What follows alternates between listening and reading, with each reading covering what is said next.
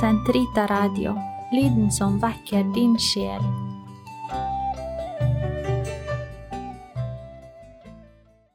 Den katolske kirkes katekisme, uke seks, tirsdag, paragraf 115 til 120. Skriftens mening. Ifølge en gammel tradisjon kan man tolke Skriften på to måter den bokstavelige tolkning og den åndelige. Den åndelige kan igjen deles opp i den allegoriske, den moralske og den anagogiske fortolkning. Det dyptliggende samsvar mellom disse fire tolkningene gjør den levende forståelse av Skriften i Kirken rikere. Den bokstavelige tolkning. Dette er den mening Skriftens ord har, slik eksegesen kommer frem til etter riktige fortolkningsregler. All fortolkning av Den hellige Skrift bygger på den bokstavelige tolkning.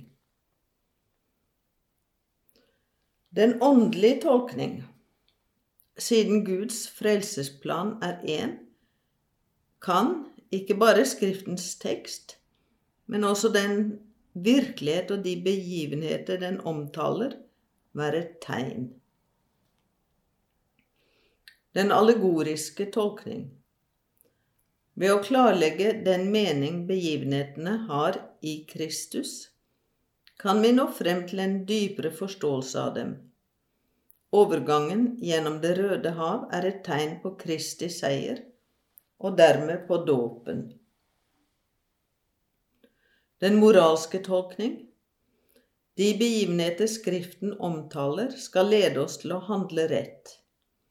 De er blitt skrevet ned til advarsel for oss. Den anagogiske tolkning Det er også mulig å tolke begivenheter og virkeligheter etter deres evige mening, slik at de løfter oss opp på gresk anagoge til vårt himmelske fedreland. Slik sett er Kirken på jorden et tegn på det himmelske Jerusalem. Et middelaldervers sammenfatter de fire tolkningsmåter slik. Den bokstavelige forteller hva som skjedde, den allegoriske hva vi skal tro, den moralske hva vi skal gjøre, den anagogiske hva vi skal strebe imot.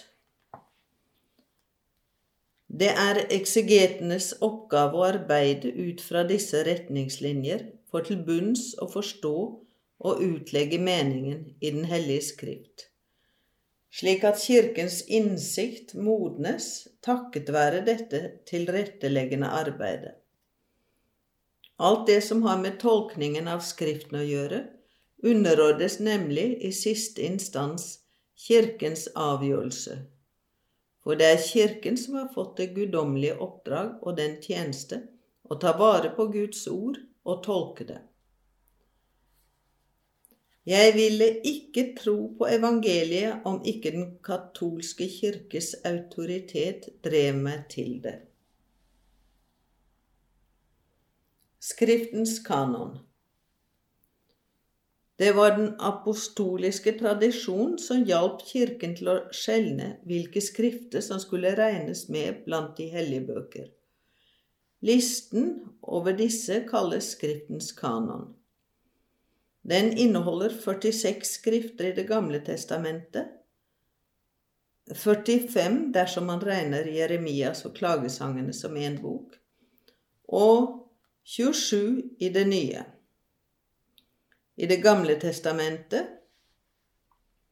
Genesis, Exodus, Leviticus, Numeri, Deuteronomium, Josfa, Dommerne, Ruth, de to Samuelsbøker, de to kongebøker, de to krønikebøker, Estras og Nehemjas, Tobit, Judith, Ester, de to makaberbøker, Jobb, salmene, ordspråkene, Forkynneren, Høysangen, Visdommen, Sirak, Esaias, Jeremias, Klagesangene, Baruk, Esekiel, Daniel, Hoseas, Joel, Amos, Obadias, Jonas, Mika, Nahum, Habakuk, Sefanias, Haggai, Sakarias, Malakias.